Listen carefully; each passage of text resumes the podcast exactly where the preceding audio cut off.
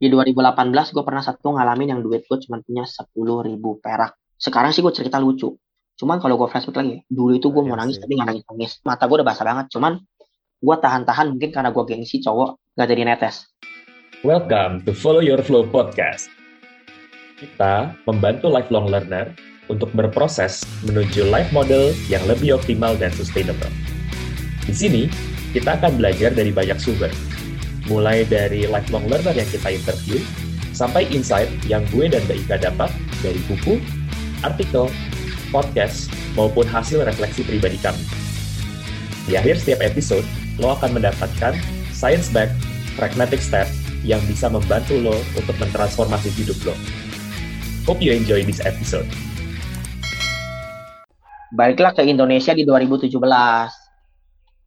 Di 2017 gue cari gaji-gaji yang mungkin pegang 8 juta, 10 juta kan nggak ketemu ya. Hmm, hmm, Eh, gue ketemu lah satu perusahaannya di bidang material, kusen, pintu, jendela, material. Dan ternyata dia adalah bosnya dekat banget sama bosnya Kons. Kons itu semen dari China. Dan ternyata kayak marmer, granit, apa segala macam dari Mekarta, itu disuplai dari bos gua langsung. Karena kan Kons hanya semen. Kons only semen. Cuman mungkin anak Kons ada barang-barang yang lainnya aja tentang pembangunan, alat-alat bangunan. Tapi pas bos gue yang nampung proyek Mekarta ini, gue dikasih gaji yang sama. Cuman pada saat gue udah kerja di sana, ternyata perusahaannya kan namanya virtual office karyawan paling juga 5-6 orang. Dia ngelihat gue bawel, aktif, bisa Mandarin. Dia besok bulan depan langsung suruh gue jadi sales aja lo, sales door to door, gaji gue dari 8 langsung turun jadi 3 juta. Gue sakit kepala. Kenapa diturunin? Karena dia ngerasa, ya udah lu gak usah jadi translator lagi aja. Lu kerjain sales aja, gue ngeliat lu aktif. Mau kenalan sama orang yang baru yang nggak dikenal. Tapi kan sales gajinya range-nya 3 jutaan. Udah, lu jadi sales aja. Di situ gue langsung nggak mau jalanin lagi. Hmm. Tapi masih ditarik. Pas ditarik gue masih lanjutin lagi beberapa bulan. Terus gue mengundurkan diri. Karena menurut gue kalau ada pertama takutnya ada kedua. Begitu. Jadi di sana range masih gaji 8 juta sampai tahun 2017 pertengahan gitu ya. Mungkin sampai sini dulu. Lu ada yang bingung nggak? Itu tadi kan gue udah cerita tentang yang Toyota, pertambangan, dan yang di PIK itu kantornya waktu itu posisinya. Lanjut Cai, lanjut, lanjut. Lanjut ya. Gue penasaran dari sini ke asuransi itu ada apa gitu? Apa abis ini langsung lo asuransi apa gimana? Oh enggak, masih ada beberapa lagi. Boleh, boleh, boleh. T- Dari Coba tahun cerita. 2000 2017 akhir, gua udah mulai part time. Part time translator. Jadi namanya gua udah free interpreter freelance kan.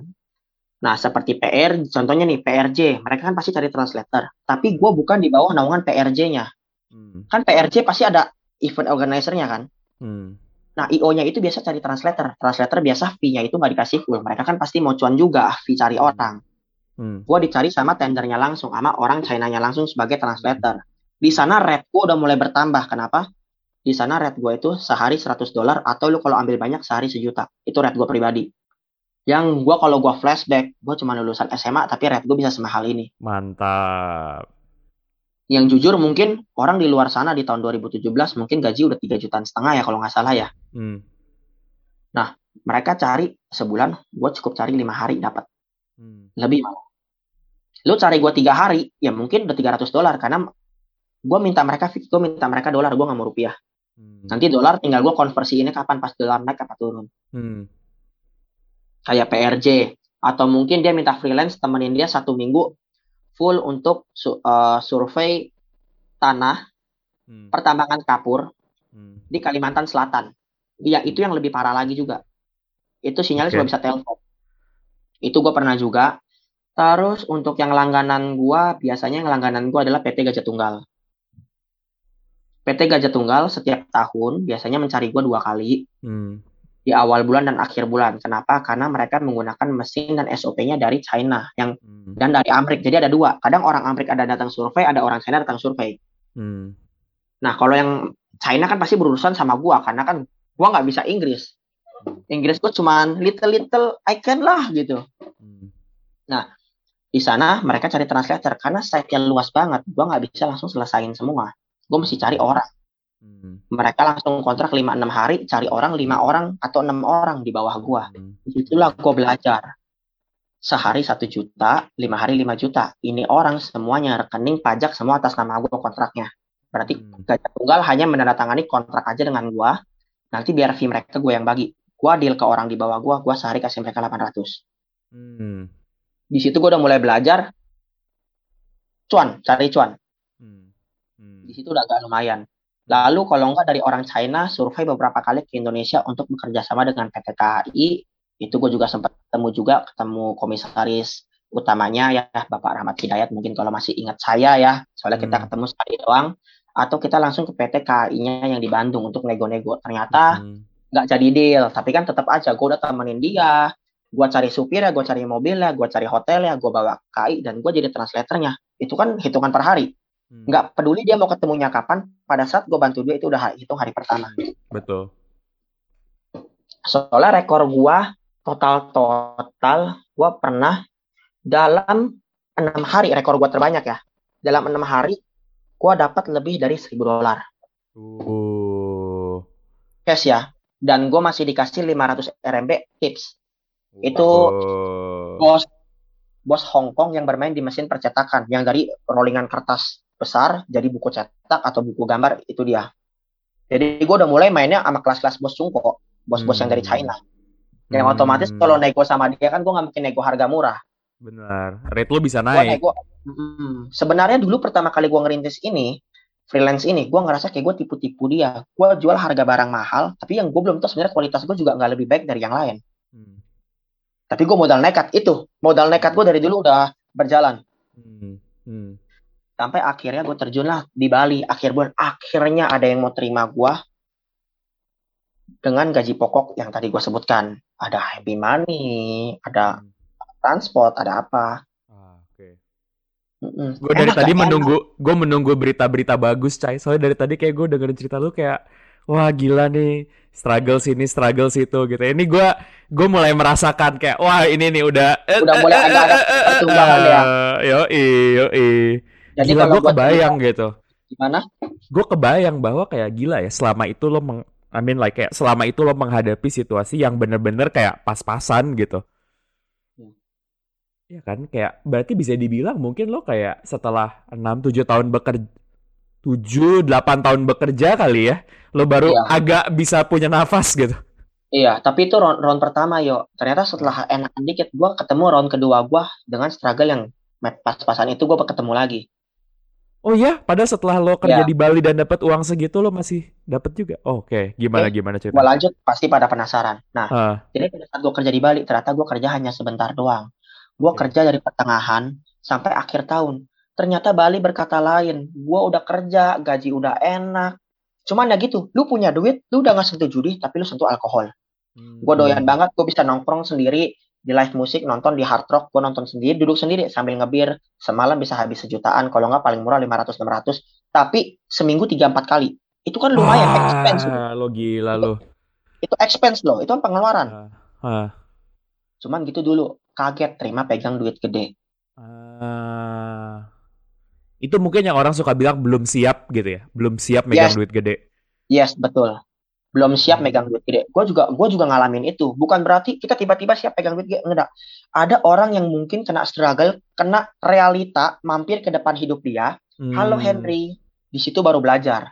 Atau Hmm. mungkin memang dia Tuh- Tuhan berikan dia kesem- eh, jalan yang lebih baik. Tuhan mempertemukan dia dengan mentor, makanya dia siap dari segi mental. Cuma tinggal dari Hmm. lapangan pengelolaannya aja. Hmm. Hmm. Di Bali Oke. ternyata ingat ya 2017 akhir bulan November gua kerja Hmm. di tour and travel yang berarti perusahaan gua pokok income utamanya itu dari turis. Hmm. Akhir November 2017 erupsi Gunung Agung. Oh, oke. Itu nah turis makin lama makin menurun sampai akhirnya karena turis kita nerimanya paling besar di China ada kementerian kalau nggak salah menteri pariwisata China bikin statement yang udah tetap dari menterinya Hmm. bahwa seluruh warga Tiongkok dilarang sementara dilarang datang untuk bermain ke Bali dikarenakan membahayakan karena erupsi gunung, membahayakan dari pesawat dan dari segi sirkulasi udara pernapasan ya. semua tour and travel libur tanpa digaji. Kita dipecat nggak? Kita nggak dipecat. Tapi kita nggak ada gaji. Hmm. Yang berarti expense gua bulanan, gua kan pasti bakal berpikir santai ya santai lah bulan depan ya mungkin ini ilmu yang bisa diambil sedikit poinnya. Banyak orang di luar sana agak santai, ya nggak apa-apa, abisin aja dulu bulan depan gua masih dapat, bulan depan gua masih dapat Hmm. gaji. Tapi nggak ada yang tahu kapan company lu kolaps. Hmm. Ini kan sebenarnya company gua nggak kolaps, company gua pingsan sesaat, Hmm. pingsan dia karena nggak ada turis lagi, pingsan. Hmm. Estimasi 6 bulan. 8 bulan loh, sorry, November, Desember, sampai bulan 5 Hmm. bulan 6 tahun 2018 pasti. Hmm. gue hitung kosan gue 1,3 1,5 motor gue 1,1 gue mesti kirim ke rumah biasa sejuta 2 juta. Itu udah 4 juta sebulan. Gue bertahan 6 bulan 24 juta. Tabungan gue jangankan ngomong tabungan. Habis di habis di alkohol. Itu gue belajar. Berarti 2013 2012 13 gue menyentuh perjudian ini gue juga pertama kali mencoba alkohol karena culture ini terbentuk pada saat gue kerja dengan perusahaan WNA ini makan siangnya aja dengan alkohol ya otomatis gue sebagai asisten gue bakal ngikut dia kan kan gak Iya. sopan kalau mereka minum gue nggak minum Hmm. Hmm. habis itu dari sanalah turun dari Bali gue cari pekerjaan yang sesuai dengan angka gue terakhir nggak ada semua ngeliat TV gue oke lu nggak S1 Henry ini tetapi Hmm. lu punya jam terbang di luar lu sebagai HRD apa lu sebagai atasan di sebuah perusahaan yo lu kalau ngeliat gue punya CV seperti itu lu mau taruh gue di head office apa lempar di site Side. sedangkan gue udah di Bali gue udah nggak mau ke site lagi Hmm. gue udah tahu enaknya di Bali kerja capek-capek pulang tenggo tinggal lu ke Bali beli bir apa beli jus satu botol kaki lu lu lu tenggelamin lu masukin klub ke pasir goyang-goyang-goyang stres lu hilang Betul. gue kan udah ngerasain enaknya gitu Enak loh banget. Hmm. nah terus gue mana mau lagi di site tapi kalau di Jakarta gue cuma dibayar 10 bayangin di 2018 orang mau gaji gue 10 juta gue lulusan SMA gue tolak bapak boleh cari yang lain aja pak Wow. gue gituin HRD. Jadi dulu gue juga sempat angkuh, sombong gue. Mungkin karena gue punya pemikiran yang salah saat itu karena gue semuanya berdiri atas kinerja, jeripayah, dan pinter juga semua karena gue sendiri. Tapi gue lupa mengandalkan Tuhan saat itu. Hmm. Karena keakuan gue kental. Itu gue Hmm. salah. Mungkin di saat itu Tuhan Hmm. tegur gue disuntik. Tetap hilang semua yang punya Henry. Hmm. Gue mulai dari nol, income nol, tabungannya nggak ada. Hmm. Dan di saat Padahal lu itulah baru lu baru punya income belasan juta sebelumnya ya. gue baru tembus belasan juta di saat itu. Ah, tapi bisa sampai gitu ya. Oke, oke. gue terjunlah lagi ke pas-pasan yang income nol dan mencari Oke. pekerjaan yang gak ketemu-ketemu dengan ke- kemauannya gue. Otomatis gue nganggur ke beberapa bulan. Di tanggal 20-an Maret 2018, akhirnya di sana gue ketemulah dengan Prudential. Jadi sebelum gua ke Bali- Akhirnya sampai juga iya, asuransi. Jadi ini aja kalau dibikin ini panjang ini. episode-nya. Panjang banget. Jadi sebelum gue ke Bali, engkau gue udah join Prudential duluan. Dan saya lu kan ke Bali. Oh. Kalau amit-amit ada apa-apa asuransi, ya betul juga. Gue bukan orang yang close minded dengan asuransi. Asuransi penting. Cuma gue belum tahu gue cocoknya ambil ke siapa. Hmm. Posisi gue duit income udah pegang 8-10 jutaan kan per bulan kan. Mungkin Hmm. belum tembus belasan, tapi 8 jutaan ada. Oh iya, gue lupa bilang. Pada saat gue kerja yang di PIK itu, sebulan gue gaji 8 juta. Tapi setiap Selasa Kamis, eh Selasa Kamis malam dan Sabtu Minggu malam gue narik Grab. Jadi gue dua kerjaan pada saat itu ya di 2017. Hmm. Karena gue ngerasa gue nggak cukup.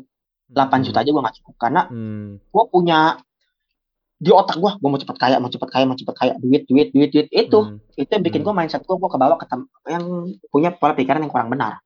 Hmm. Hmm. gitu. Nah, gue harusnya ambil asuransi, sekeluarga gue ambil sama gue, dan akhirnya pada saat gue pulang, Hmm. gue bilang lu jadi agent aja. Hmm. Di saat itulah gue terjun dengan income nol, tabungan nol, gue punya angsuran motor gue sejuta seratus tiap bulan. Wow. Income pertama gue 250 ribu. Gue thank you banget buat nasabah gue yang pertama yang masuk sama gue. Hmm. Gue say thank you sampai ada hari ini. Itu nasabah pertama, kedua, ketiga, maksudnya generasi pertama di tahun pertama mereka yang support gue. Hmm. Hmm. Oke. Dan gue terus minus. Gue pernah gak cari sampingan di luar sana untuk tetap jadi ada. Kenapa tuntutan hidup nggak cukup bro? Ah, ah. Gua bulan Maret gua join dan berarti kan gua kan nganggur Hmm. dari bulan Januari ya, karena Januari gua udah pulang. Hmm. Maret gue baru join Prudential. Income pertama gue yang gue nikmatin itu 250 ribu, 300 ribu di bulan Mei. Hmm. Jadi itu lima bulan aja sebenarnya gue udah minus. Gue utang. Yes. Hmm. Puji Tuhan banget waktu itu bokap gue masih produktif. Dia ada bantu. Karena bokap gue sekarang pensiun. Jadi gue lumayan Hmm. ada utang banyak banget dengan bokap nyokap gue. Hmm. Yang itu menurut gue itu ya sekaligus berbakti lah. Hmm. Karena kalau nggak ada mereka mungkin gue gelandangan. Hmm. Hmm. Ya kan? Atau enggak gue mungkin bakal cuma kerja gaji as ordinary employee 3 juta, 4 juta, 5 juta mungkin. Hmm. Atau mungkin dengan Mandarin 8 juta. Hmm. gue tujuh nih Prudential triggernya susah gak? tahun pertama 18 gue kembali lagi dengan pas-pasan yang gue minus gue pernah ketemu jadi 2018 triggernya susah gue nggak mau cerita yang susah-susah lagi kita cerita yang happy-happy aja Hmm. di 2018 gue pernah satu ngalamin yang duit gue cuma punya 10 ribu perak itu gue mau nangis nggak bisa nangis Gila. yang yang biasanya ya elah parkir cuma 2000 aja gue bisa Hmm. tapi pada saat itu gue punya 10 ribu perak dan bensin gue habis gue nggak punya duit buat bayar parkir bayangin gak sih lu lu nggak punya duit cuma bayar bayar 2000 parkir Ini event lo gak punya tabungan juga saat itu? udah pada habis karena kan walaupun gue punya income dari Prudential kan mulainya kecil-kecil semua Betul. tabungan gue minus ya otomatis dari 5 6 bulan 7 bulan pertama gue pasti minus Hmm.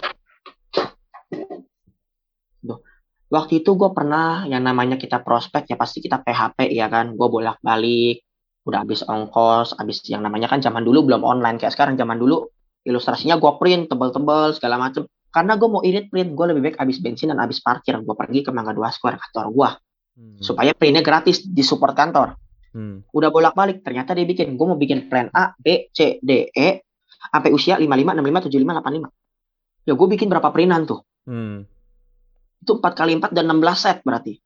Ternyata ujung-ujungnya selama dua minggu gue ngerasa mungkin bukan kalau orang lain mungkin dulu gue merasa dipermainkan, cuman gue anggap itu sekarang sebagai pelajaran. Hmm. Hen, ilustrasi kamu bagus loh. Mending dia bilang bagus. Sebelum dia bilang bagus, dia suruh gue tanda tangan sama nomor KTP gue. Dia nggak percaya omongan gue. Tanda tangan di atas ilustrasi itu. Dulu gue seperti itu. Secara nggak langsung kan harga diri gue udah di, udah nggak dihargai sama dia. Halo teman-teman, apakah lo sedang berada di dalam situasi ini? Situasi di mana lo merasakan krisis, stuck, loss, baik secara karir maupun kehidupan, atau lagi bingung memilih di antara beberapa pilihan. Bisa jadi, mungkin juga lo sedang mengalami kesulitan untuk membangun habit yang sustainable. Nah, kita pengen bantu lo melalui course gratis yang namanya Setting Up Your Minimum Viable Priorities. Di course ini, lo akan belajar tiga hal. Pertama, melihat hidup lo secara lebih holistik, karena you are not your work, and there is more to life than just work. Kedua, menentukan prioritas jangka pendek, menengah, dan panjang. Ketiga, menentukan langkah konkret untuk membuat prioritas lo selangkah lebih dekat menjadi kenyataan. Di course ini, lo akan mendapatkan video berdurasi 45 menit yang bisa lo tonton kapan aja dan di mana aja. Dan lo akan mendapat workbook yang bisa lo pakai untuk mempermudah proses refleksi lo. Semua ini gratis. Yuk, dapatkan akses ke course ini dengan mengunjungi website kita di www.followyourflow.id www.followyourflow.id Dan KTP gue dia juga pinjem loh dia fotokopi. Kalau misalnya amit-amit gue jadi agent bohong, ya nggak salah juga sih sebagai Hmm. orang. Cuman kan dari dalam hati gue harga diri gue ini nggak di, nggak dianggap sama dia loh. Dia nggak percaya gue sama sekali. Hmm. Gue ceritain bagus, dia suruh gue datang lusa. Pada saat gue datang lusa, dia bilang, Hen, ilustrasi kamu bagus loh yang kamu pulang. Bilang, nah, polis lama saya, saya udah ubah sama agent lama saya sesuai arahannya kamu. Oke. Itu posisi gue gak jago jualan. Gue punya teman orang Indonesia nggak banyak karena gue lama sama orang China dan gue punya mindset gue nggak butuh punya teman orang Indo karena jenjang karir gaji gue semua bergantung sama orang sana. Gue lebih mestinya lebih baik jalin hubungan lebih dekat dengan orang mereka. Itu mindset gue yang salah juga saat itu. Hmm. Makanya gue cuma punya teman tapi teman gak dekat. Hmm. Dan sekarang gue join asuransi. Temen deket join asuransi aja. Temen deketnya bisa hilang. Hmm. Apalagi yang gue nggak punya teman dekat. Hmm. Hmm. Berarti kan gue benar-benar mulai dari nol. Hmm. Orang bilang mulai dari ring satu keluarga. keluarga gua udah closing semua mangko gua saudara dari terakhir almarhum nenek gua yang dari bokap dan nyokap udah meninggal kita udah nggak kontak putus hubungan sama saudara. Hmm. karena ada masalah keluarga yang keluarga mereka yang gua mungkin ya gua nggak usah ikut campur lah. Hmm. berarti gua nggak punya market.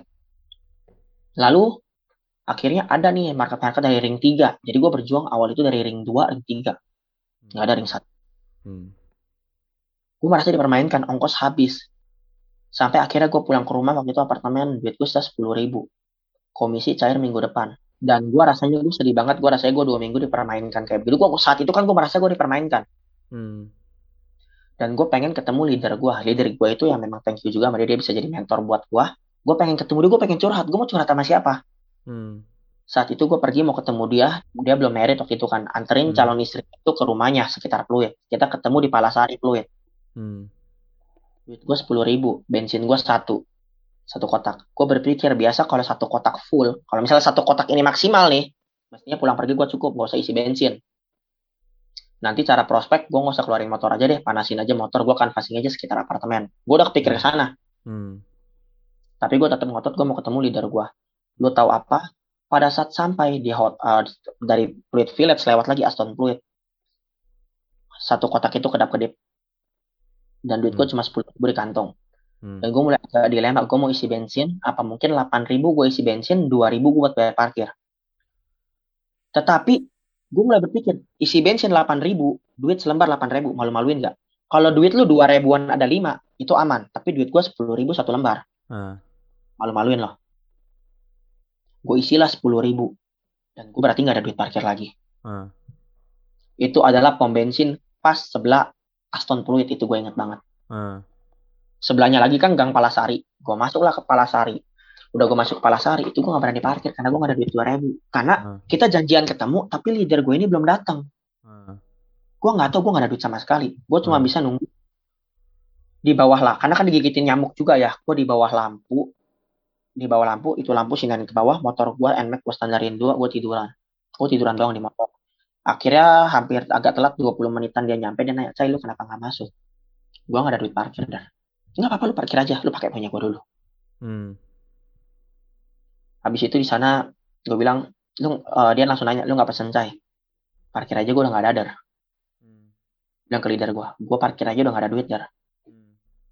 gue nggak usah banyak banyak lu kasih gue air putih kalau nggak es teh tawar aja gue begitu gue ngomong karena gue juga gue tahu diri Hmm. masa gue bilang leader gue mau traktir gue alpukater pizza oh itu kan nggak tahu diri banget gue juga tahu diri gue nggak ada duit itu gue cerita hampir mau nangis gue maksudnya dulu gue udah ngeritis ngeritis Mandarin kok kenapa gue join di Prudential ini kok kayak berat banget kayaknya dulu permasalahan jangan kan permasalahan 2000 permasalahan 2 juta aja gue nggak pusing Hmm. kenapa sekarang 2000 aja jadi permasalahan hidup gue Hmm.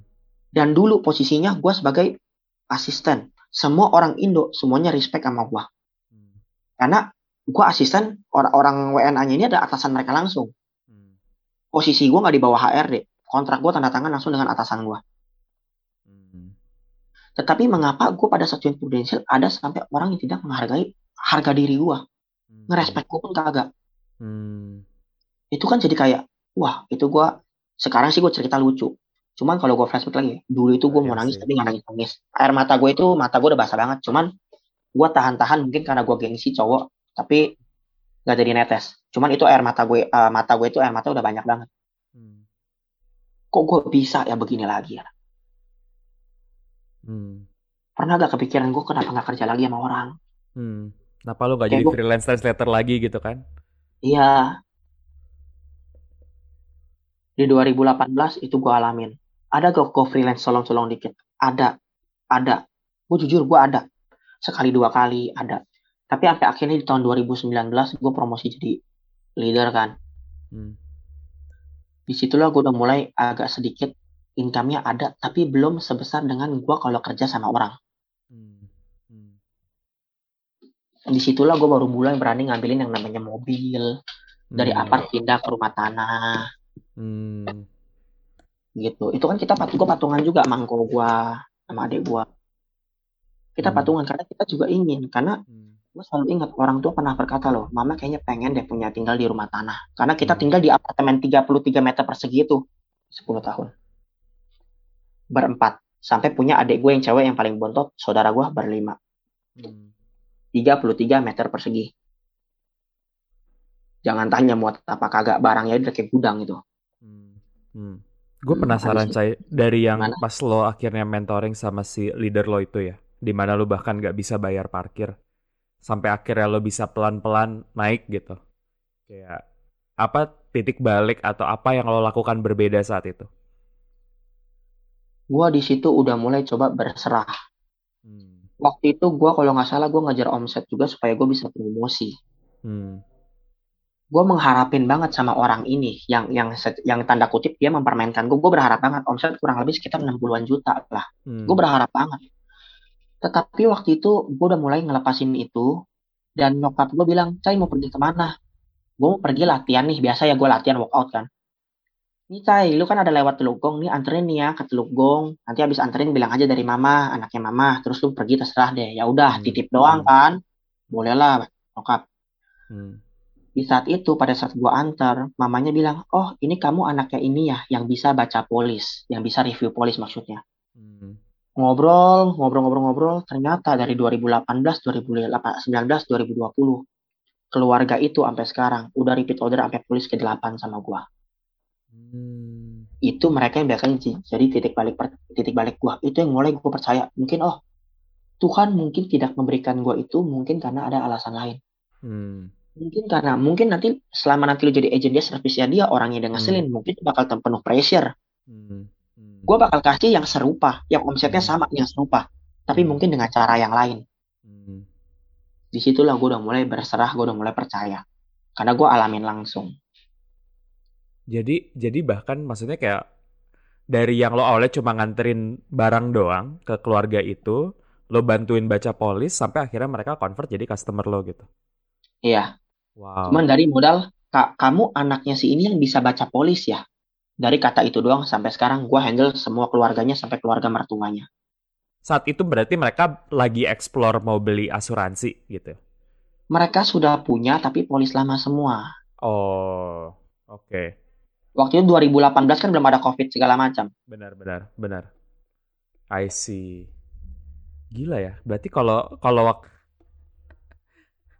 berarti wow, itu benar-benar momen serendipity atau kayak kebetulan itu luar biasa banget ya, Cai. Maksudnya kayak Iya. dari dari lo dari lo benar-benar lowest moment, terus lo ngerasa mulai mau berserah, terus kayak ya udahlah, itu kan sebenarnya juga bahkan lo awalnya nggak bukan mau jualan atau apa kan orang lo nganterin barang buat nyokap lo gue gitu. cuma titip barang doang nih titipan dari mama saya anaknya ini gitu Hmm. Cuman tiba-tiba dia buka pintu, oh iya thank you ya. Oh kamu anaknya ini yang bisa baca polis ya? Gue bilang bisa dong, kan ngerti. Bisa dari saat itu, gue nggak jadi latihan malam itu. Hmm. Gue di malam gue survei, eh, gue review polisnya semua, gue benerin segala macam sampai sekarang. Hmm. Gue thank you juga sama mereka juga ya, thank you juga sama Tuhan. Mungkin Tuhan melalui mereka kasih gue titik balik. Mungkin kalau pada saat itu gue nggak diberi titik balik, mungkin gue udah nggak percaya siapa-siapa, mungkin gue kembali kerja lagi sama orang. Hmm. Hmm. Menurut gue semua ah bullshit lah semua. Hmm. Mungkin gue bisa aja saat itu Hmm. punya pola pikir yang salah, Hmm. jadi melenceng pola pikir gue negatif. Hmm. sampai akhirnya gue sampai 2018, 19, 20 kan gue bidangnya sama gue udah full time semua di Prudential Hmm. sampai akhirnya gue punya rekan partner yang gue rekrut dia di 2009 2018 satu angkatan sama gue dia di 2021 dia chat thank you ke gue WhatsApp Hmm. thank you Cai udah invite gue ke bisnis ini dulu gue cuma bisa ngelihat mobil dia kan Accord ya bawa Accord ya Hmm. gue cuma Hmm. bisa ngeliat Accord sebagai kendaraan mobil bos gue Tapi berkat lu dan beberapa tahun ini, gue sekarang bisa bawa mobil yang sama dengan mantan bos gue dulu. Dan itu anak baru usia 24 tahun. Dia ikut gue berarti dari usia 21, masih Hmm. kuliah. Hmm. Dan itu anak, jujur backgroundnya nggak nggak beda jauh sama gue, broken home juga. Dia dari kecil, udah perintis, dia udah ngekos dari dia usia 6 tahun. Hmm. Dia besar sama diurus sama ibu Wow. kosnya dia. Wow. Jadi ya di situ dari yang mungkin dia kerja 6 7 8 juta, eh 6 7 juta, dia kan S1 kan, perpajakan. Sampai sekarang dia bisa pegang mungkin 20 30 40 kan.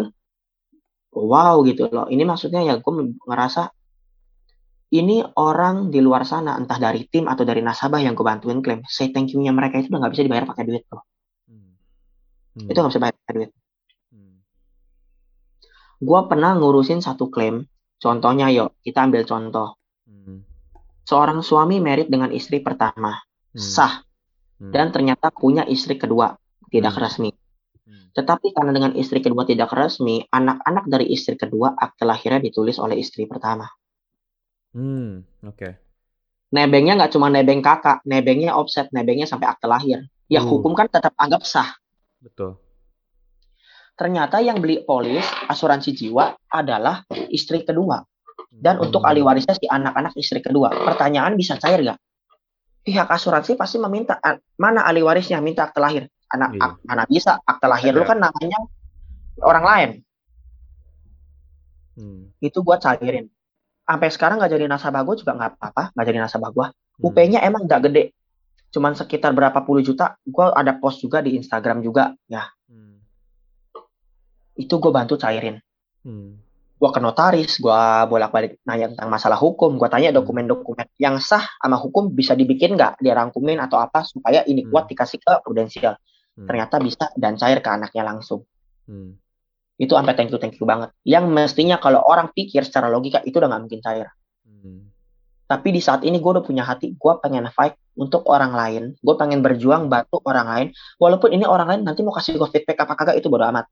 Gue pengen menjalankan yang namanya mission over commission. Commission itu hanya efek samping. Yang penting mission. Hmm. di situ. Oh, mungkin ada yang pengen lu bingung, boleh yuk. Sebelum gua lanjutin lagi. Enggak sih menurut gua menurut gua that's really amazing. Maksudnya kayak tadi gue terutama eh, apa ya? Impress banget sama yang kayak lo bisa nge-mentorin si junior lo itu ya. Karena kan sebenarnya mungkin lo menjadi orang yang dulu lo harap ada di hidup lo gitu. Karena kan dengan background yang sama, mungkin lo berharap ketika lo lebih muda ada orang yang bisa mementorin lo. Tapi mungkin Mhm. karena dulu nggak ada, seenggaknya lo sekarang bisa jadi punya kesempatan untuk ngebantu si orang ini. That's Soalnya really dulu kan sih. Pas gua baru-baru join sama dia ya jujur, gua juga nggak gitu ngerti mentor. Gua nggak bisa.